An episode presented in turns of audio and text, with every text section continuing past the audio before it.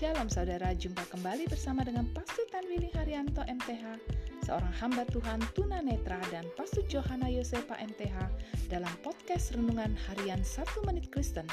Di dalam podcast ini, kami membagikan kebenaran dari Alkitab yang dimulai dari kitab kejadian sampai kitab Wahyu. Selamat menikmati.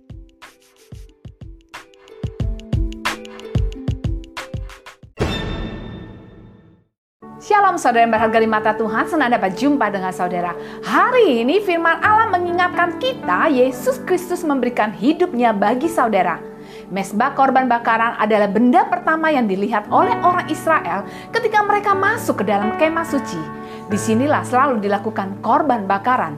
Mesbah korban bakaran ini dengan sangat jelas mengingatkan orang-orang bahwa mereka hanya dapat datang kepada Allah dengan membawa korban bakaran. Dengan cara demikian, dosa-dosa dapat diampuni dan dihapuskan.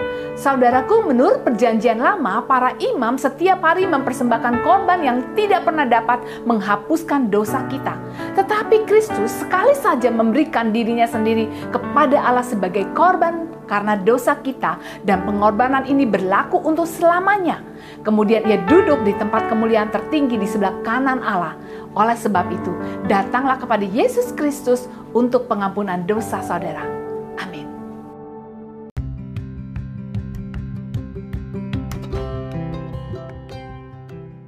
Terima kasih saudara telah mengikuti podcast Renungan Harian 1 Menit Kristen.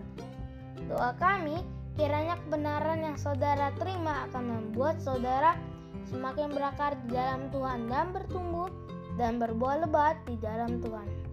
Tuhan Yesus memberkati.